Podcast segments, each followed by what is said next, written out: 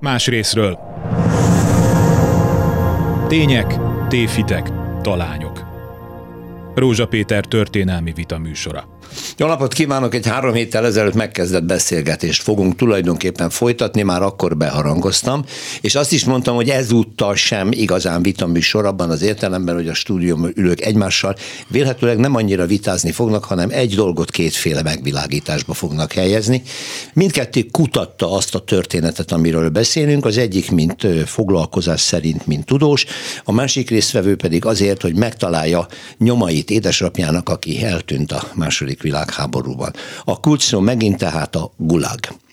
Az, hogy mi volt a gulág rendszer, azt a múlt alkalommal elég jól megtárgyaltuk véleményem szerint, és akkor ígértem, hogy olyan beszélgetéssel folytatom, ahol a személyes élmények és a személyes tapasztalatok még erőteljesebbek lesznek, és ezért hívtam meg dr. Simon Pál, orvos informatikust, aki elfogadta, jó napot kívánok, szervusz, Pali bácsi. Szervusz, jó napot kívánok. És ismét itt van velünk Startamás történész, a Bölcsészet Tudományi Kutatóközpont főmunkatársa, szervusz Tamás.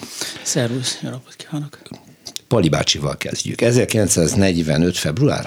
Március? 1945 egészen pontosan január 18. Emlékszel rá, vagy csak édesanyád mesélte? Teljesen emlékszem Öt éves rá. voltál. Öt éves voltam. Ré- Izabella utca 87-ben voltunk, mert a család oda, oda jött össze, a bombázások elől vidék, bombázások után, ahogy jött a front, egy nagyvárosban jobb, ha a család együtt van a jöttetek pincébe. vissza. Ezért Aha. jöttünk. Sose laktunk az Izabella utcába egyébként. És ott is az volt, hogy az első lépcső, a harcolók, ugye koszosan, büdösen úgy, ahogy jöttek, az egyik fölkapta a, a hugomat, az anyám frász kapott, azt Hát hitte, hogy mit, de csak puszilgatta, és így tovább.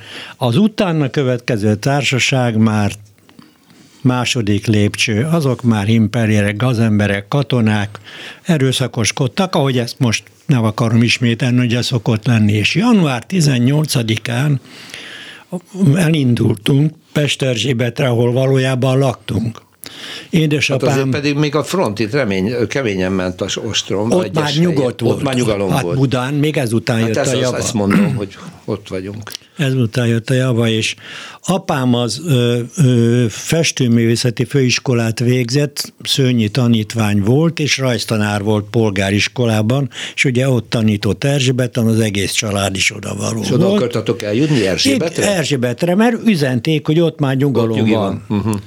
És elindultunk az útvonal. Izabella utca, Rózsák tere, keresztül a Rákóczi úton, akkor a Tiszakálmán téren mentünk kifelé egészen, kérlek szépen az Orci út, ott körülnéztünk, tehát nem akartunk a fő, még úgy azt hallottam, mint gyerek, hogy nem a körúton, meg nem az Üllői úton, pontosan azért, mert halva ezeket a dolgokat, hogy gyűjtik az embereket. Már akkor híre volt ennek? Akkor ennek híre Már volt. januárban. Uh-huh. Szóval Pesten nincs olyan, ha te ma lejtesz egy doboz gyufát a földre, azt biztos, hogy már Soroksáron tudják, hogy a Rózsa Péter lejtett egy doboz gyufát a földre.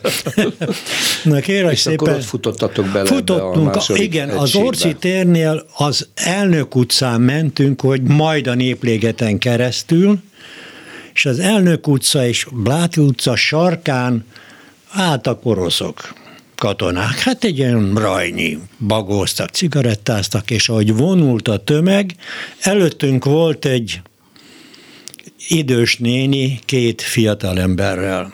Fél kétkerekű kocsi, batyurajta minden.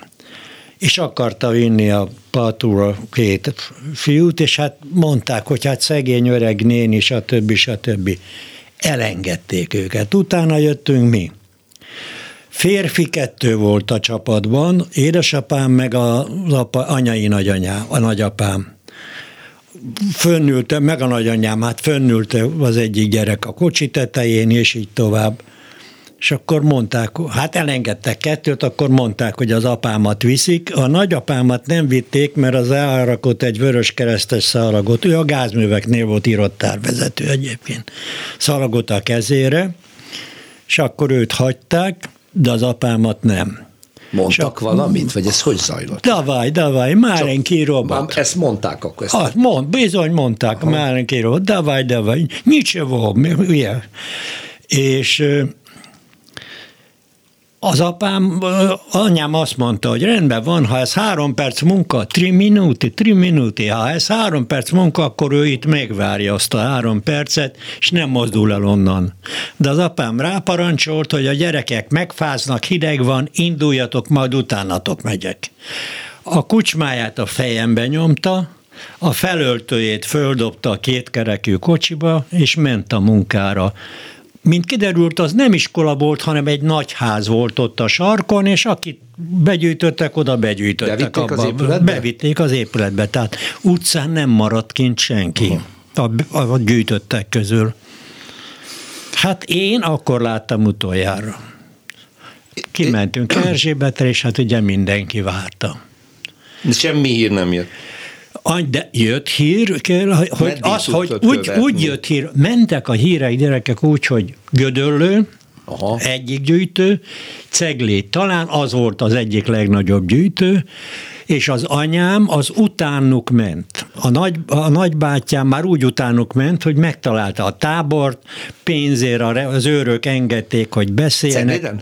Tessék? Cegléden? Cegléden. Aha. Úgy leveleztek egymással, hogy egy marhacsontba bedugta apám a levelét, anyám abból kivette, tudta, hogy melyik talpánál van a marvacsont letéve, és Ilyen- oda rakta, ilyen, igen. Ilyen igen. posta volt, ilyen ilyen posta volt, igen, igen. Sőt, volt egy olyan esemény, ez Szegléden volt már, hogy eh, Hát ezt a két családot kibeszélem, de mindegy, ez fontos, hogy az őr parancsnok, aki ott a tábort felügyelte, hát ő parancsnok, hát olyan a táboroknál ő parancsnokok vannak, aranyóráért, tehát aranyóráért, nem akármilyen óráért, aranyóráért hajlandó lett volna az apámat elereszteni. De a családban aranyóra nem volt, csak az apai nagyanyámnak volt, hogy kocsmárosok voltak. És hát ez, ez egy, ezen lehet lélektanilag elgondolkodni, hogy az apai nagyanyám imádta a két fia közül ezt, az apámat. És nem adta oda az aranyórát. Azt mondta, hogy majd úgyis hazajön, és szükség lesz arra az aranyórára. Na most akkor ezt hova tegyük? Az- Hát az anyám teljesen kiborult, mondanom se kell, és hát ilyen történet nyilván lejátszódott máshova. Hát Ez volt az a pont Cegléd, ahol még utoljára tudtátok, hogy hol van. Még anyám azt megtudta, hogy Arad a következő állomás, egy gyűjtő, ő átlógott a határon, nem volt nagyon határ Aradra, de már ők nem voltak ott. Már akkorra nem volt. És itt szakad meg a lánc. Itt szakad meg a lánc, a legközelebb majd akkor folytatódik, amikor a hírt kerül róla. Mennyire tipikus Tamás? Ja, hát egyáltalán tudjuk-e csak ez- ilyen szemtanúk igen. elmondás alapján, mert ennek semmilyen dokumentáció nem volt, az oroszok mikor, kiket miért gyűjtöttek be, később adminisztrálják őket a táborokban már. Ez, ez teljesen tipikus történet. Én amikor elkezdtem ezzel a témával foglalkozni, én azt hittem, hogy ezekről a málenki robotos elhurcolásokról nincsen dokumentum, ezt az egészet csak, csak hát a visszaemlékezések alapján lehet követni. De, de nem így van. De nem az így De- history kívül van de, más. De, de nem így van, mert, mert ezt egészen pontosan tudjuk követni, hogy mi történt, ugyanis a külügyminisztériumnak volt egy hadifogoly osztálya, e, és a, az osztály anyagának a túlnyomó része megmaradt, ez, ez 247 doboz, én átnéztem ezt a 247 dobozt, E- ennek a, az anyagnak egy jelentős része egy forma nyomtatványokból áll. A forma nyomtatványokat azokat, azok töltötték ki, akiknek a hozzátartozóit el, elvitték, elhurcolták. Tehát ez, ezeket, ezeket a formanyomtatványokat 45-ben, 46-ban előjáróságokon és más helyeken is meg lehetett szerezni, és ezeket kitöltötték a hozzátartozók, és elküldték a külügyminisztérium hadifogoly osztályára. Már aki? E- e- Édesanyád, Pali bácsi kitöltött Erről én ilyen? nem tudok, viszont amit te mondasz, Tamás, a, én a, az első nagyobb csomag anyagra, az eredeti orosz nyelvű kartonokra, azt kérlek szépen, nem ugrik be a neve, a hadtörténeti intézet parancsnoka volt, most altábornagy nyugdíjban van. Ő volt, amikor elkezdődött a hadisír gondozások kölcsönös uh-huh. hát hogy úgy mondjam, Aha. művelése, hogy azokat kellene hát vele foglalkozni, akkor ő kint járt Moszkvában, Honvédelmi Minisztérium képviseletében, a Történeti Intézet igazgatója. Most a hollótábornok. A holló, holló, holló Gyula, a Gyuszi, és Igen. hozott kélek szépen egy bőröndöt. Mikor volt ez? Ez körülbelül 90-es években, tehát a gangster, bocsánat, rendszerváltás után, elnézést. Magyarul tehát 60 éven keresztül, ő, ugye bár, 40, jó 40, 50 éven keresztül semmi nyom, semmi, semmi dokumentum, sem a édesapádról, sem. Csak azt tudták, hogy valahol ezek a dolgok vannak. vannak. Hát ugye egy orosz tiszt, egy magyar tiszt valahol ivott valamit, és akiknek kapcsolata volt, ők éles információkat cseréltek egymással. Tehát, tehát, tehát a, a, ami, ami a magyar anyag. Tehát ez én kezemben is sok ezer ilyen nyomtatvány ment keresztül, amelyeket tehát a hozzátartozók töltöttek ki, és, és, és ezekben nem csak az elhúrszolt neve van megadva, hanem az is, hogy a foglalkozása mikor került szovjet fogságba, mit tudnak róla, stb. stb. És, és én ezeket... Bocsánat, nem keverednek itt én, én az ezeket... elvitt civilek és a hadifoglyok? Vagy uh, hogy van ez? Igen, ez, ez úgy van, hogy elméletileg azoknak a hozzátartozóknak volt joga kerestetni a, a, az elhurcolt apát, vagy fiút, vagy férjet, akik civilként kerültek szovjet fogságba azért, mert hogy a magyar kormány elméletileg és gyakorlatilag is ugye a Szövetséges Ellenőrző Bizottságnál, illetve a szovjet kormánynál kérte a jogtalanul elhurcolt magyaroknak a mielőtti repatriálását. És a szovjet részről kérték a listákat. Ez 45, 46, ez, 47-ig történik ez 47, Ez 47-ig történik, de a listáknak az összegyűjtése, illetve ezeknek a személyi ö, anyagoknak az összegyűjtése, ez jó rész 1945-ben megtörtént. E, ezek, ezek az anyagok megvannak, ezek kutathatóak, és én, és én ezek alapján megpróbáltam felmérni a, a, és megrajzolni a budapesti elhúzolásoknak a történetét. És hát fantasztikus kép bontakozik ki. Én egyébként egy térképet is csináltam, egy ilyen multimédiás térképet is, ahol lehet követni az eseményeket, és ezekből teljesen világosan kijön, hogy körülbelül három hullámon történik a civileknek az összegyűjtése. Akkor, amikor elfoglalnak a szovjet csapatok egy háztömböt, két-három nappal később, tehát ezt egészen pontosan lehet követni, megjelennek fogadgyűjtő csapatok, különítmények, és még a bunkerből a rendszerint a munkaképes korú férfiakat elhívják Málenki robotra. Ez az első hullám. Van egy második hullám, ami akkor indul el, amikor Budapestet, a Budapestnek a felszabadítása, elfoglalása befejeződik. És ekkor állítanak fel különböző ellenőrző pontokat. Egyébként az Orci téren is, tehát én a térképemre berajzoltam, az Orci téren is volt egy áteresztő vagy ellenőrző hát pont. ez volt az, amiről most De a város, de a város, igen, de a város területén sok ilyen áteresztő igen, pont akkor volt. ez már a második hullám Ez a második hullám, ami úgy működik, hogy ez időnként, ez ilyen harapófogó szerűen működik, tehát időnként ezt kinyitják, és akkor tényleg összegyűjtik a civileket, aki arra megy, de ez nem állandóan van, tehát időnként ez, ez, itt összegyűjtik, Értem. majd van, amikor okay. nem.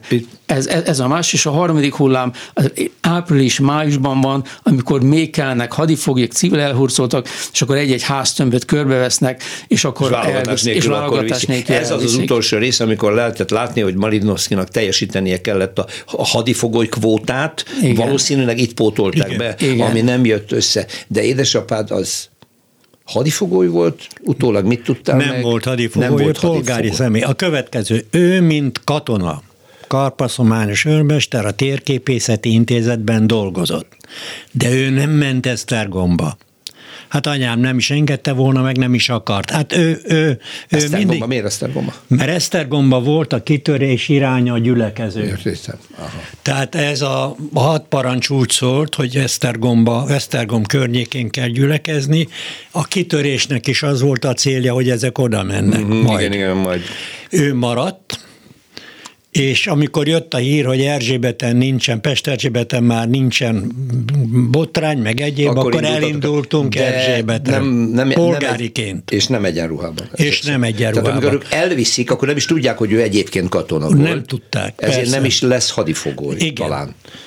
Amikor én, én életrajzot írtam, és a, egyetemen kérdezték például, hogy mert rám, parancsol, rám szóltak, hogy ne hülyeskedj, hogy te még nem vagy kisztak, hát honvéd ösztöndíjas, na hát ilyen nincs. Majd erről még beszélünk, hogy hogy lettél katona, igen. És akkor ugye az volt a, a, a, a, a, a, az ügynek a menete, hogy elkezdtem utána nézni sokszor, többször, és az út a hat történeti intézethez vezetett, és a hat történeti intézetből a Vörös Kereszt irányított oda, és a hat történeti intézetből kaptam meg az édesapám táb a szovjet eh, dokumentumait, tehát azokat a kartólapokat, ahol föl volt írva a születési helye, születési ideje, hol volt, nem, az, az nem volt odaírva, hogy hol esett fogságba,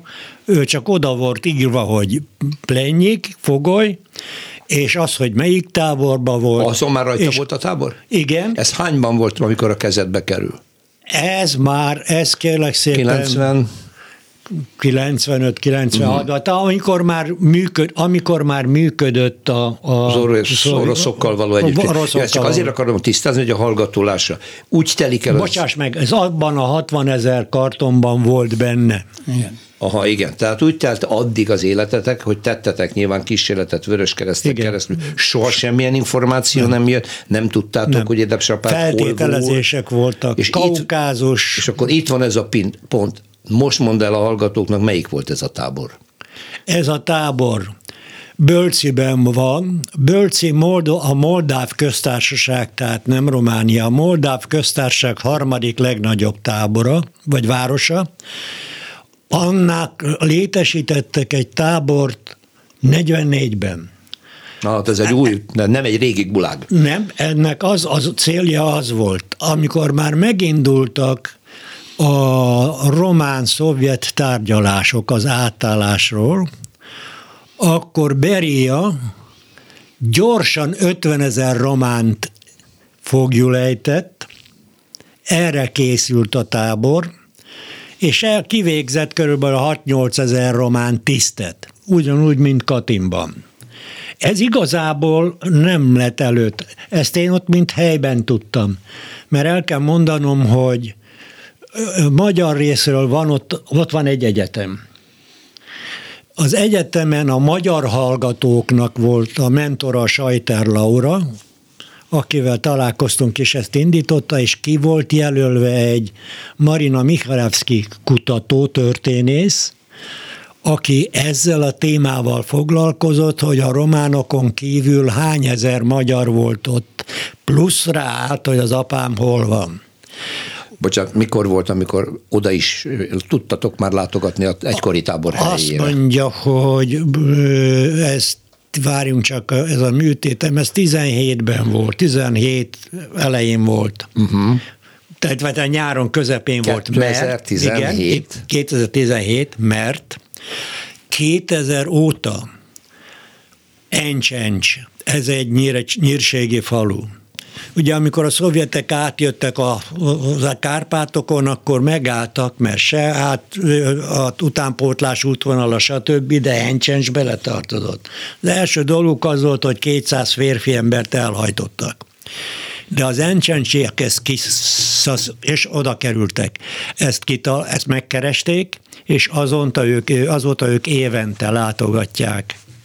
Mert ott a moldávok, egy emlékhelyet létesítettek, ami egy kereszt és meglett a teljes névsor, és a teljes névsor egy fekete gránit kockába le van írva. A magyar Ez ma név. már akkor világos, hogy hm? hányan voltak a magyarok. Így van, világos. De, de tömeg sír volt, nem lehetett azonosítani a, a holtestet. Nem lehetett azonosítani, a öreg temetőben, a városi öreg temetőben csinálták ezt, és édesapám még ő fogolyként faragott abroncsa magáról egy szobrot, a gyerekekről rólunk, meg az édesanyámról. Az édesanyám a gyerekekről azt ott fogták a táborban. De az ő szobra hazakerült, azokkal került haza, akik megmondták, hogy meghalt. Június 12-én 45-ben halt meg. Na most erről készült egy egy rölíf, egy bronzrelief az van még erre az Ott emlékre a- az felhelyezve. emlékre. Igen. Szóval Tamás, Bocsáss meg, négy ilyen emlékhely van Moldáviában. négy tábor volt ezek Négy, szerint. és, de a magyaroknak van négy darab Négy emlékhely. ilyen, igen. Ö, a táborban készült, amit most Simon Pál elmondott, nyilvántartások, azok mennyire pontosak, mit lehet róluk tudni, és fontos és kutathatók-e? A táborban készült nyilvántartások alapján Ezek nagyon későn kerülnek itt Magyarországra, mint hallottuk. Ez, ez, itt, itt, itt két, dolog van. Egyrészt a, a, azok a nyilvántartások, amik a táborokban készülnek, azok ö, ö, az elmúlt években kerültek Magyarországra, pontosabban azoknak a személyi kartonoknak a digitalizált változata, és ezek tavaly február 25-e óta online elérhetőek a Magyar Nemzeti Levéltárnak a honlapján. Tehát 680 eh, 682 ezer ilyen személyi karton érkezett a Oroszországból. Ezeknek a kartonoknak a feldolgozása tulajdonképpen mostanában kezdődött el. Ez egy, ez egy külön történet, hogy ez, hogy ez hogy került Magyarországra, és hogy pontosan hogyan dolgozták fel a Magyar Nemzeti Levéltárban ezeket a kartonokat. A lényeg az, hogy egy számítógép programmal próbálták az orosz szöveget magyarra lefordítani, és persze a, emi, emiatt, amit amit látunk a, a kartonnak a fordításaként, hogy az, az, az gyakran nehezen értelmezhető, de lényeg az, hogy ez az anyag megvan, és tulajdonképpen bárki számára kutatható. Ez, egy, Ah. ez egy teljesen új forrás. Még de, egyszer mondom, de, 682 ezer személyi karton, ebben benne kell, hogy legyen az édesapád. Pali bácsi. elvileg igen. Elvileg de, igen. de hozzá kell tenni, hogy ez nem szükségszerűen 682 ezer nevet jelent, mert azért annyi már kiderült, hogy, hogy volt olyan személy, akiről három vagy négy karton is készült. Aha. Szóval akkor ez- ez még mindig kutatandó, ez, ez, hogy... még, ez, ez még mindig kutatandó és feldolgozandó. És, és ha, ha, ha még van idő, Hát 20 másodperc, Tamás, Jó, és jó. utána jön a szünet. jó, akkor majd a szünet után mondom, hogy 1991-ben hogy került be az a 66 ezer karton, akik, a, a, amely az elhunytaknak a neveit és az adatait tartalmazza. Innen fogjuk folytatni, és Tartamás történésszel a Bölcsészettudományi Kutatóközpont főmunkatársával és dr. Simon Pál orvos informatikussal a szünet után. Más részről. Tények, tévhitek, talányok. Rózsa Péter történelmi vita műsora. Már ami vitatható egyáltalán a tényeken, amelyeket nem lehetett megkerülni, és ahogy az évek, évtizedek telnek, talán egyre többet lehet megtudni a gul- gulágról, a gulág rendszerről, a magyarokról, akik oda kerültek, és a Málenki robotról, amiről ma beszélünk, mindkettőről beszélgetünk, dr. Simon Pál, orvos informatikusról és Tart Tamás történésszel folytassuk, ahol abba hagytuk. Ugye kartonokról beszéltünk, érkezett ide 60 ezer karton valahonnan Oroszországból, és hogy körülbelül, illetve nem körülbelül, mert Tart Tamás elég pontos számot mondott, összességében ma kutatható magyar levéltárban 682 ezer személyi karton, mely kartonok között ott vannak azok az emberek, akik különböző táborokban voltak. Simon Pál édesapja, mint később kiderült egy moldáviai táborban, egy frissen 1944-ben létesített táborban volt, és ő is civilként került Málenki Robot címen oda, és nem sokkal utána meghalt. Mennyi? Nem is, nagyon- csak néhány hetet volt már Néhány életben. hetet volt, igen. Június 12-ben hunyt el, 45. június 12 Mint később a tábor adatai szerint. Igen. Egyébként, amikor már fel lehetett tárni, és ti is már oda jutottatok jó 50 évvel később, mit lehetett megtudni? Tömegsírok voltak, vagy rendesen temettek a táborban? Ez azt hiszem, hogy talán egyedülálló, lehet, hogy Tamásnak is újdonságot mondok. Ugye a munkaerőre szükség volt, a tábor vezetése biztos, hogy hazudott, félrebeszélt, vagy legalábbis pótolta a létszámot, és pontos kimutatást kellett adniuk az elesettekről, vagy az elhunytakról. Édesapám ebbe a kategóriába tartozott, ezért volt róla kitöltve egy 6-7 lapos karton, ahol a halál ténye, azt lehet mondani, hogy egy felületes haláloki jegyzőkönyvről van szó. És itt meg kell nem, a hat történeti intézetből került elő ez, és meg kell jegyeznem Bíró Andor nevét, aki ott dolgozik. Valójában ő kereste nekem elő, és ő mutatta, ő nagyon sokat tud erről a témáról Most is megtalálható, majd még külön beszélünk róla. Mi volt a A temetés, a, a szepszis. Hmm. A temetés a következőképpen történt a város zsidó temetőjének a sírjaiba. Különböző számú halottat, holttestet dobáltak be. Tehát Ke- meglévő zsidó sírokba tettek? Azt igen, abba dobálták be, és a zsidó temető hmm. volt a lényeg. Ezt én onnan tudom, hogy első alkalommal, amikor felavatták a névsoros gránittömböt e körül az emlékhely körül, akkor ment egy hivatalos delegáció Encsencsről is, és én velük mentem. Engedélyezték is, sőt, szót kaptam, hogy én miért vagyok ott.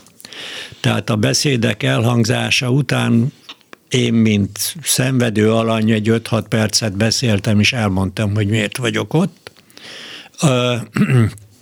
És ott kezdte a Marin a Mihalevski, aki az egyetem munkatársa, ezt a témát saját megbízásból kutatni, és többek között édesapámnak is utána járni, de a temetést, a térképet, hogy a zsidó sírokba hány ö, holttestet, maradvány dobáltak be, ez a rendelkezésre áll, és ezt a Marina Mihalevski kutatta uh-huh. végig, és ő ezt az egész témát végigjárta. Elég hajmeresztő. Talán Tamás, neked is érdekes lesz, ha én ezt a kapcsolatot összehozom.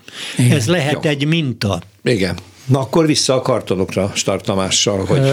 Hát amit, ami egyébként, ami a temetéssel kapcsolatos, hát ugye én, én a visszaemlékezésekből úgy tudom, hogy, hogy a, az elhunytakat regisztrálták de viszont és, és, és az elhunytakat egyéni sírokba temették. De abban az esetben, hogyha valami járvány miatt tömeghalálozás volt egy, egy táborban, akkor a, haláleseteknek a, a regisztrálása gyakorlatilag megszűnt, vagy hiányos lett, és akkor onnantól kezdve valóban tömegsírokba temették az elhunytakat. Sőt, az is szabály volt, hogy a, a, a temetés előtt az elhunytnak a koponyáját össze kellett törni, mert hogy, mert hogy nehogy valaki úgy meneküljön meg, hogy halottnak tetteti magát, és, és, és, és, és, és hogy és a, temetés közben, vagy temetés után. Ez egy általános bevett gyakorlat, vagy bizonyos táborokban csináltak. Mit tudtok é, erről? Én, én erről, én ezzel kapcsolatban nyilvánvalóan semmilyen korabeli szovjet utasítást nem olvastam, de viszont Az számos biztos. visszaemlékezésben ezt, e, ezt, ezt olvastam. Tehát nem tudom megmondani, hogy, hogy ez általános utasítás volt-e, vagy pedig csak bizonyos táborokban volt, de, de, de, de többféle visszaemlékezésben ez előjön. Na most, na most a, a, a regisztrálással kapcsolatban még annyit annyit, hogy, hogy, hogy az Antal kormány nagyon nagy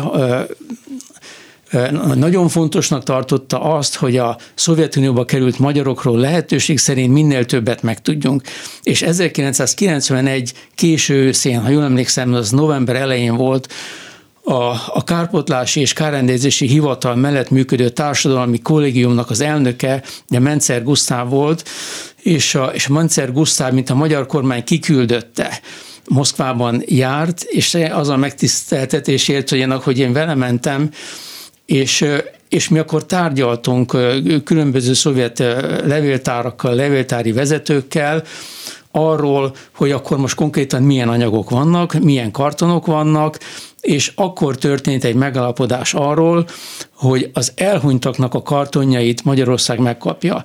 Így került Magyarországra még 91 után 66 ezer karton. Ez az, az 66 ezer. Itt még azért, Igen, itt, itt még azért azt meg szeretném említeni, hogy, a, hogy itt a, a, hogy ahhoz, hogy ezek, hogy ezek a kartonok átkerüljenek Magyarországra, ebben jelentős része volt a memoriál szervezetnek, civil szervezetnek. Amit a Putyin most föl akar teljesen igen, számolni. Ami a sztálinizmus bűneit kutatta, és, és ez, ez a arról a szervezetről van szó, amit az elmúlt hetekben Igen. szüntettek meg, mint külföldi ügynök szervezet. Egészen galád módon, és akarja átírni Putyin a történelmet. De akkor, ha már itt tartunk, akkor csak egy kérdés Simon Pálhoz is, aztán tudom, hogy ezt hozzá akartál szólni. Ó, hát te katona voltál, katona orvos, mert így sikerült így neked annak idején ösztöndíjhoz jutni, hogy egyáltalán a család, mert nagyon szegények voltatok, tudjon tanítani. És katonaként te az, a szovjet érában élsz, jársz továbbképzésre Szovjetunióba, szovjet katonákkal találkozol, ez hogy a bánatban van már? Bocsánat, édesapád halálát ők okozták. Beszéltél valakinek valaha erről, hogy fogadták? Egyáltalán hogy, hogy tudtad magadba hordozni? Azt hiszem, hogy itt jön elő az igazi történelem, már időzőjelbe téve, az, ami személy szerint is megtörténik. Egy megjegyzésem Mencer Gusztávhoz. Mencer Gusztáv a munkatársam beosztottam volt, amikor én az esztik igazgatója voltam, és nagyon jóba voltunk, és tudta az én édesapám sorsát, és kölcsönösen kicseréltük a tapasztalatainkat, ő Kamcsatkáig jutott, és 53-ba vagy 54-be került haza. Jobban beszélt, mint az oroszok oroszul. Hagy mondjak egy történetet, koordinációs értekezlet volt, szokott minden szakágnál is. Moszkvában volt az értekezlet, és ketten mentünk ki, a Guszti meg én, az egészségügyi minisztérium részéről. Mint katona orvos. Mint katona orvos, ő pedig mint polgári. Mint polgári orvos. Illetve hát bocsánat, akkor már leszereltem, akkor már az esztik igazgatója Aha, voltam, az az információs közben. Zárójegyzőkönyvet el kell készíteni, mondja Guszti, bízátok rám. Vele szembe ül három szovjet kollega, a Guszti lábát fölteszi az asztalra, kényelmesen hátradől, és diktálja a jegyzőkönyvet magyar létére a három orosz szakértőnek. Ez egy hrabáli. Ez így, ahogy van, simán bekerülhet egy filmbe. Hát el tudom képzelni, ismerve Mencer Gusztávot, hogy ez így volt. Te ismerted a Guszti? Ismertem, tehát ezt meg tudom erősíteni, hogy ez, ez megtörténhetett ez valóban. Guszti. Na most a másik, amit kérdeztél. Hát igen. De, ö, ö, először is, amivel találkoztam, még Leningrádban is, az óriási emberveszteség, ami a Szovjetunióban volt. Leningrád a háború idején egy 1 millió 800 ezer lakosú város volt, nagy Péter cár öröksége, aki igazán szépé tette, az Nagy Katalin volt, Ermitás, és így tovább, és így tovább. 50. évfordulóra készült a Szovjetunió, mindenki volt menkenve, mázolva. Ha beléptél a kapun, az már nem biztos, hogy úgy nézett ki, de a, az utcai portál igen, és a kintlétem idején ugye mi jártunk, a, most nem részletezem a tantervet, ez egy katonaorvosi továbbképzés volt, több, többek között általános harcászat és hadműveleti tudományok. Annak a vezetője egy Melnyikov ezredes volt, és az egyik terepszemle után ő tudta, hogy hol kell megállni, melyik bodebában, ahol csinálnak grillcsirkét, és vodka is van, házi vodka, és akkor ott a hideget kipihentük, és beszélgettünk. És megkérdeztem, hogy volna egy kérdésem, ezedes elvtárs. Na mondja.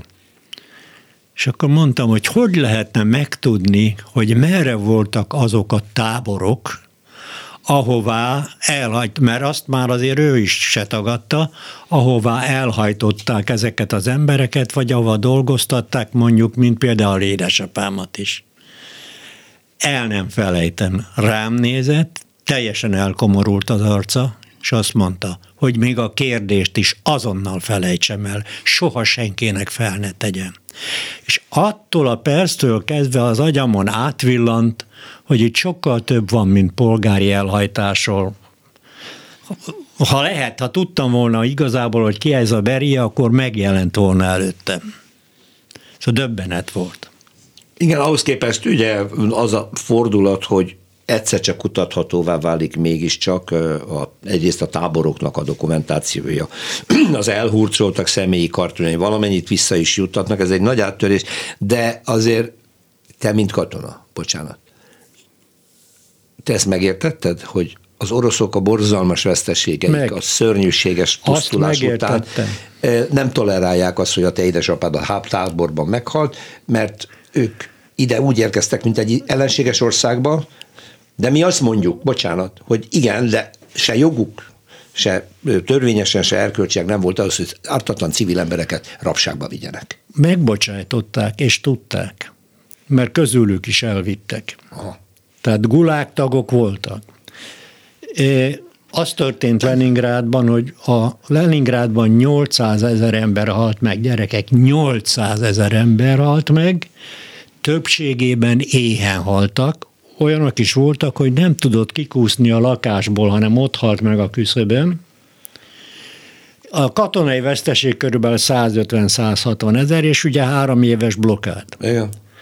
Ezt a 800 ezer embert Ukrajnából, Belorussziából töltötték fel, akiknek mindenük elpusztult, tehát ahol töményen találkoztam a pusztulással, döbbent formában, az ott volt. Hmm. És ezeket azért úgy beszéltük meg, hogy leültünk, podcastunk, stb. Én mindig elmondtam.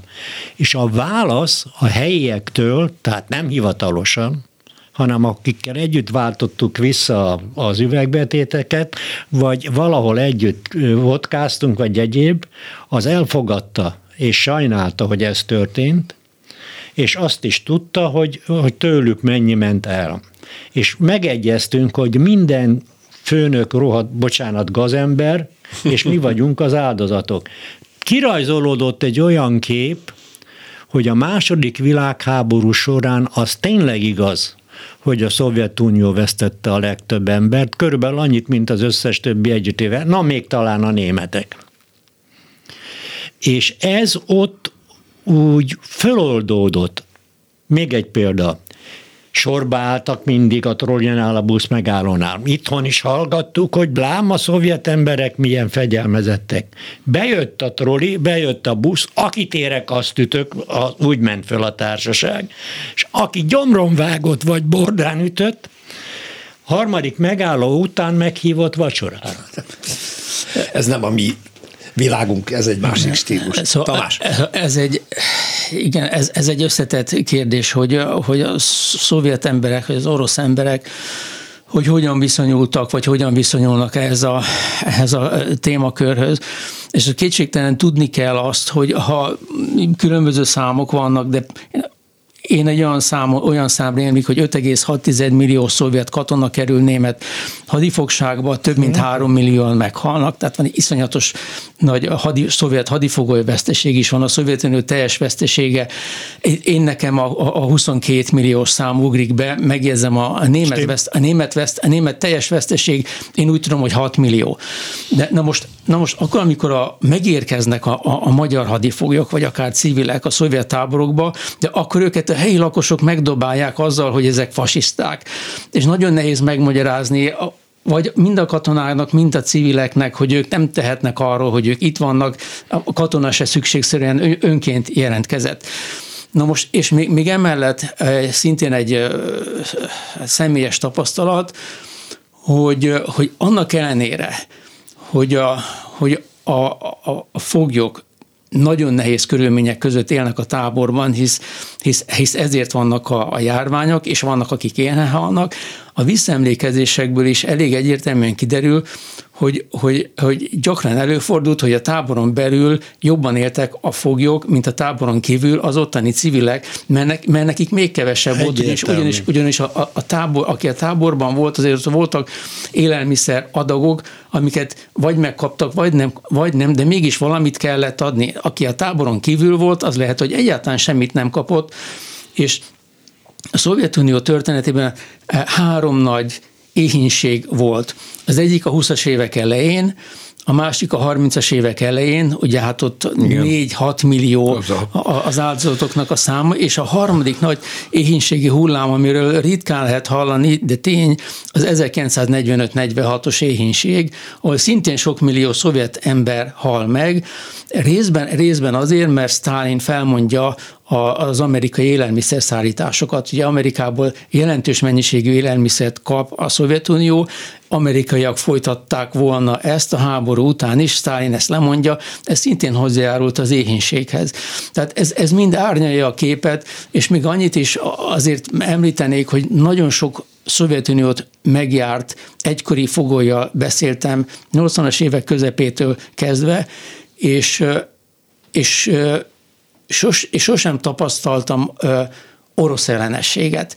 Tehát annak ellenére, hogy, hogy ők megjárták a, a, a poklok poklát, mert gulágosok voltak, hadifoglyok voltak, civilinternátok voltak, társaik meghaltak, ő, ők majdnem meghaltak, sokat szenvedtek, de, de, de attól nem lettek orosz ellenesek. Tehát különbséget tudtak tenni a szovjet rendszer és az orosz emberek között, és, és az is kiderül, hogy ha, ha együtt dolgozott magyar fogoly orosszal, vagy ukránnal, vagy más nemzetiségűvel, mert 47-től 48-tól gyakran előfordult, hogy, hogy, a, hogy a, a, a rab és a szabad ember együtt dolgozott, akkor rendszerint nagyon jó kapcsolat tudott kialakulni, annak ellenére, hogy őket, amikor megérkeztek, fasisztának találták, és úgy Minden rájuk. interjú alanyom, akit 1998-ban utolértem, én a Tisza háton készítettem riportokat túlélőkkel, ugyanezt mondta el, hogy az orosz emberek, akiket ők megismertek, az orosz civilek sokszor rosszabbul éltek, mint ők.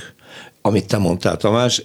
Beszéltem egy asszonynal, aki azt hiszem, hogy Tokajról vitték el, mert vittek el asszonyokat is, nem csak férfiakat, mert a létszámot tölteni kellett Válenkéi robotra.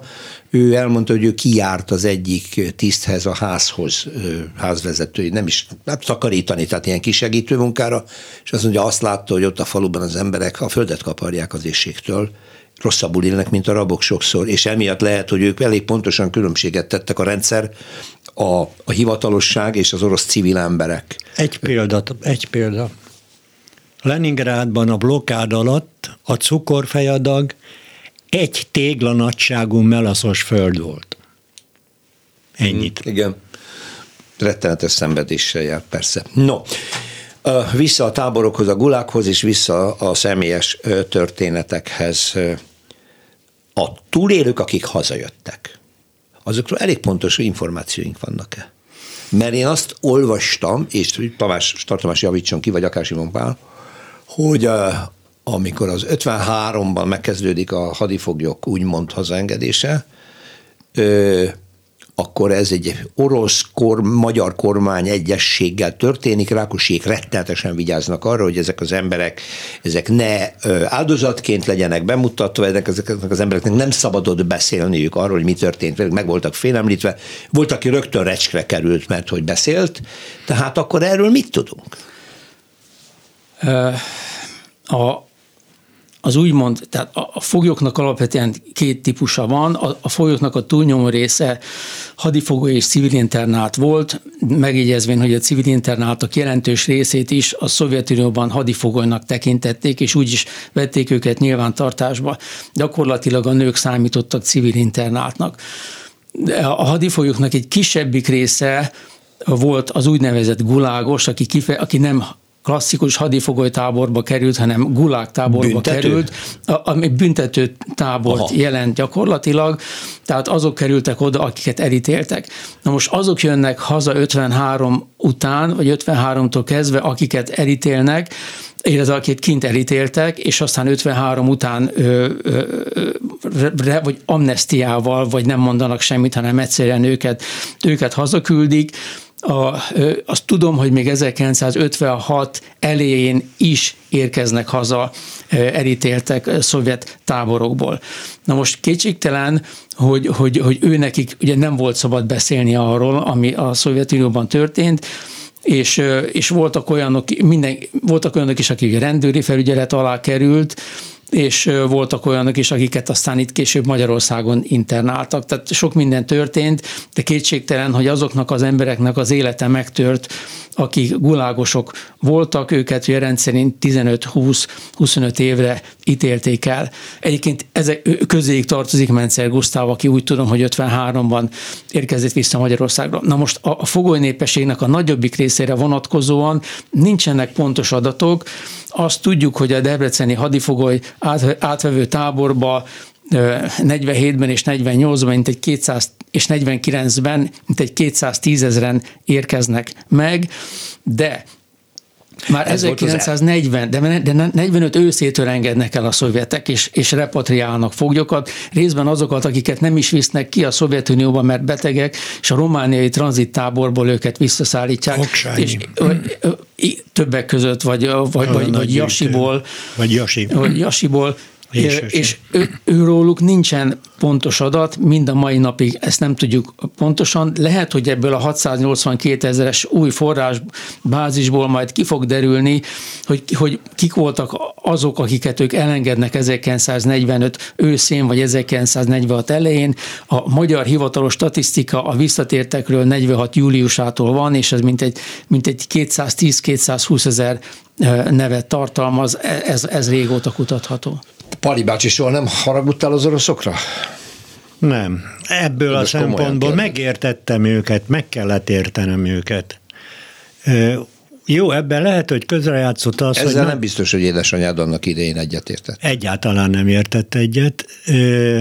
Én arra emlékszem, hogy amikor a Szabadságszobor készült, és a Szabadságszobor oldal alakjai készültek, akkor anyám minden áron el akart menni a a Tildi Zoltánhoz, hogy tegyenek oda egy hadifoglyot, egy magyar hadifoglyot alakot is. Hát ugye ez abszurd volt, természetesen szóba nem jött, és ő soha nem ment férhez. Hát voltak kérői egyéb, mi maradtunk így, tehát Árván, és 57-ben meghalt, szívbeteg is volt egyéb, stb.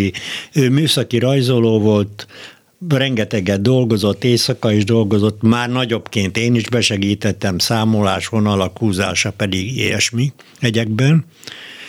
De ott kint, Szóval amikor az ember, és ez nem az ital hatása volt, elkezdtem mesélni a történetét, hogy vele mi volt, mondom, mi van a bátyáddal, mi van az öcséddel, mi van a hugoddal.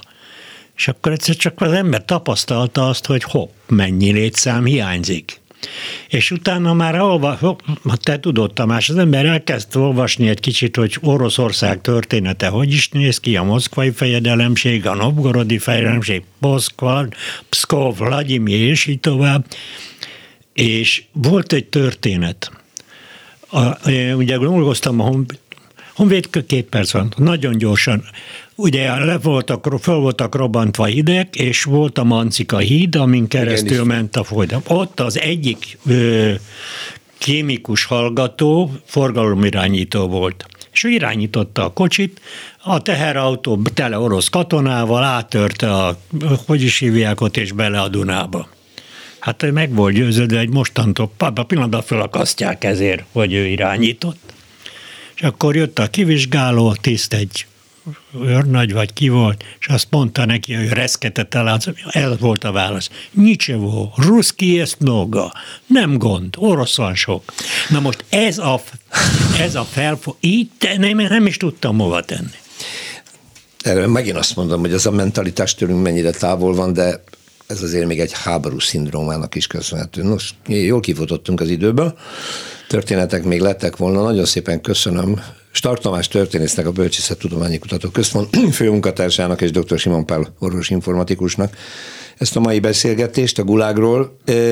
Még mindig kutatható ebben, ez az érdekes, csak egyetlen egy utolsó 10 másodperces választ, Tamás. Te még remélsz új információt, relevanciát ebben a kutatásban, vagy ez azért lassan-lassan lezárható? Én még remélek, mert nem, mert nem csak a 682 ezer karton lap van meg, hanem, hanem még vannak Ucsétnő egy Diola nevű dossziék is a foglyok jelentős részéről, amelyek még mindig Oroszországban vannak, úgyhogy bőven van mit kutatni. Köszönöm szépen, köszönöm a hallgatóknak a figyelmet, a szerkesztő Herskovics Eszter nevében is. Búcsúzom, jövő héten újra jelentkezünk, Rózsa Pétert hallották. Más részről. Tények, tévhitek, talányok. Rózsa Péter történelmi vita műsora.